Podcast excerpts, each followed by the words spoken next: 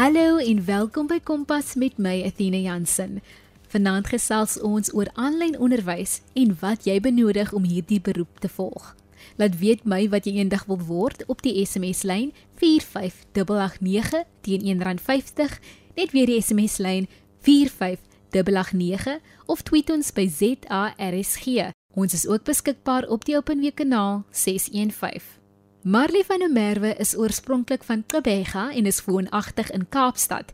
Sy gee aanlyn klasse aan leerders van Asia. Sy deel vanaand hoe jy kan aansoek doen en wat jy kan verwag indien jy hierdie beroep wil volg. Kompas, jou loopbaanrigtingaanwyser op RSG. Baie welkom Marley. Vertel vir ons 'n bietjie meer van jouself. So, my naam is Marie van der Merwe. Ek is oorspronklik van die vriendelike stad Port Elizabeth. Ek het drama gaan swat by Stellenbosch Universiteit en daarna het ek besluit om na die groot stad toe te trek om my drome as aktrise na te jaag. Ek het al wat 'n dansklas en sangklas bygewoon en die hele land vol getoer saam met Lolos Produksies wat 'n wonderlike avontuur vir my was. Ek het ook internasionaal opgetree in vele kinderteater produksies en daar het ek besef dat ek 'n groot liefde het om met kinders te werk. Hoe het jy besluit op aanlyn onderwys? So eerstens is dit baie lekker om van die huis af te kan werk, veral met die petrol wat nou so duur is.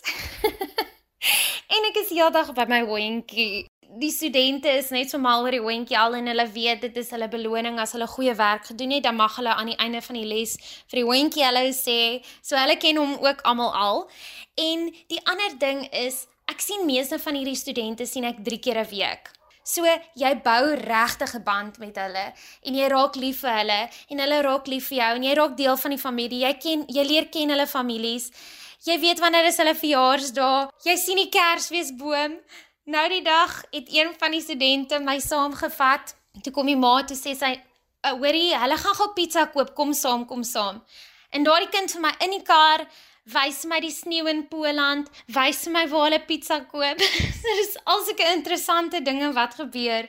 Maar ek moet sê die heel lekkerste is om te sien hoe die kinders ontwikkel en hoe hulle groei en hoe hulle elke keer net 'n klein bietjie meer verstaan. Maar dit is regtig net lekker om met kinders te werk want hulle verras my elke keer met die dinge wat hulle sê en hulle laat my so lag. So ek moet sê dit is 'n baie positiewe ding om met kinders te werk. Marley, hoe het jy toe aansoek gedoen om onderwys aanlyn te kan gee? So, aangesien ek 'n vriendin gehad het wat klaar aanlyn klas gegee het, het dit die proses vir my so bietjie makliker gemaak. Want sy het my voorgestel aan 'n gemeenskap van Suid-Afrikaanse onderwysers wat aanlyn klas gee en hulle het my so bietjie onder hulle vlerk ingeneem want ek dink hulle het baie vinnig gesien ek is baie desperaat. so hulle was baie hulpvol en ek is so dankbaar vir hulle. As jy aanlyn klas wil gee, moet jy natuurlik eers jou TEFL sertifikaat hê.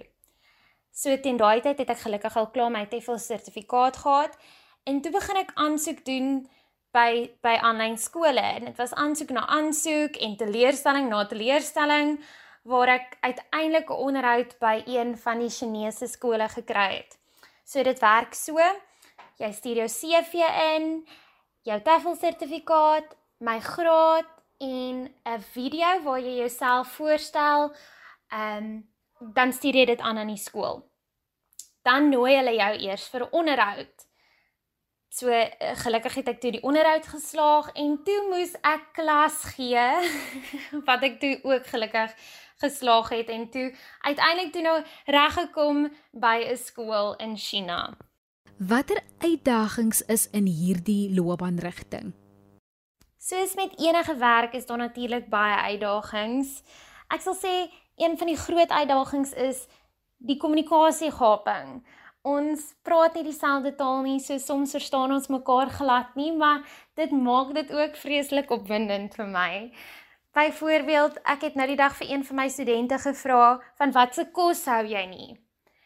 En naderhand teken ons en ons verduidelik en ons wys prentjies en Die hele skerm is vol groen kolletjies en die ma word ingeroep en ons kan nie uitvind wat dit is waarvan hierdie student nie hou nie. Dit was op die ou en 'n ertjies. die, die groen kolletjies oor die skerm, dit was ertjies. Ehm, um, maar dit het vreeslik lank uit vreeslik lank gevat om te kom tot by die punt dat dit ertjies is.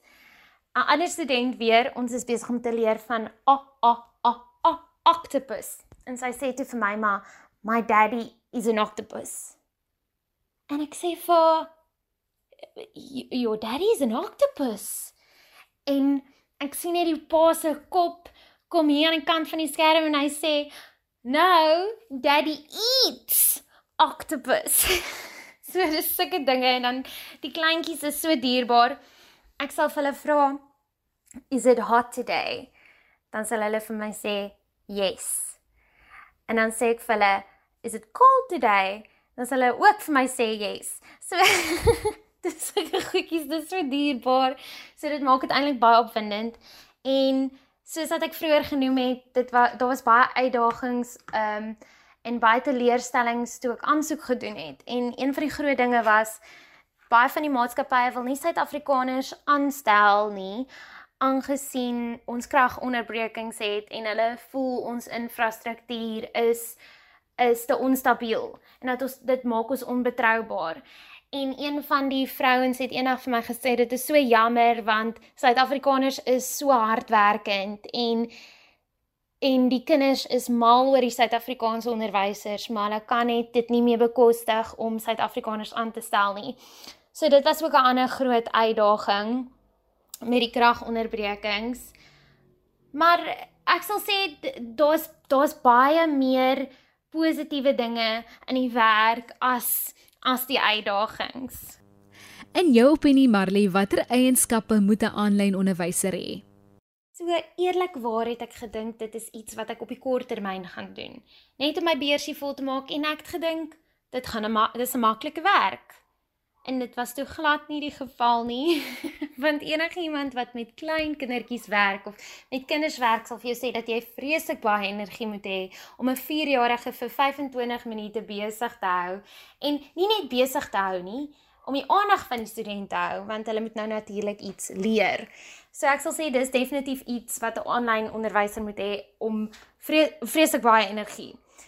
En aangesien die die onderwys oor 'n skerm gebeur, moet jou aksies veral groter wees. So dit is baie belangrik en dan geduld. Dit is so belangrik om geduldig te wees met jou studente. Want dit is 'n taal wat hulle nie ken nie. Dis 'n taal wat hulle vir die eerste keer hoor geduld is baie belangrik. En dan het ek agtergekom dat ek regtig 'n passie het om kinders te bemagtig met 'n nuwe taal. So ek sal sê dis definitief iets wat jy moet hê. Ek dink jy moet passievol wees om ander mense te help en om ander mense te bemagtig. Want as jy aanlyn klas gee, jy hoef nie noodwendig net vir kinders te gee nie, jy kan vir groot mense ook klas gee. So ek ek sal definitief sê dit is iets wat wat jy moet hê, die passie om mense te kan help. En ek dink Dit is drie baie belangrike eienskappe wat 'n aanlyn onderwyser moet hê. Jy is ingeskakel by Kompas met my, Athena Jansen. Ons gesels oor aanlyn onderwys met Marley van der Merwe. En dan wat was vir jou die grootste aanpassing? So, aangesien die meeste Chinese maatskappye toegemaak het, hulle regering het besef daar is net hopeloos te veel druk op hulle kinders wat ekstra aanlyn wiskunde, ekstra aanlyn Engels en en en klasse neem en hulle maatskappye toegemaak het, het meeste van ons Suid-Afrikaanse onderwysers oorbeweeg na maatskappye in Amerika, in Europa, in Vietnam ensovoorts. So ek is tans by 'n maatskappy wat in Europa is. En ek het studente van Duitsland, ek het studente van Poland, van Indië, van Roemenië, van Korea, van Japan. So my studente is van oral oor en daar is regtig 'n klomp kulturele verskille. Ehm um, daar is natuurlik uh, kinders van ehm um, die Midde-Ooste ook.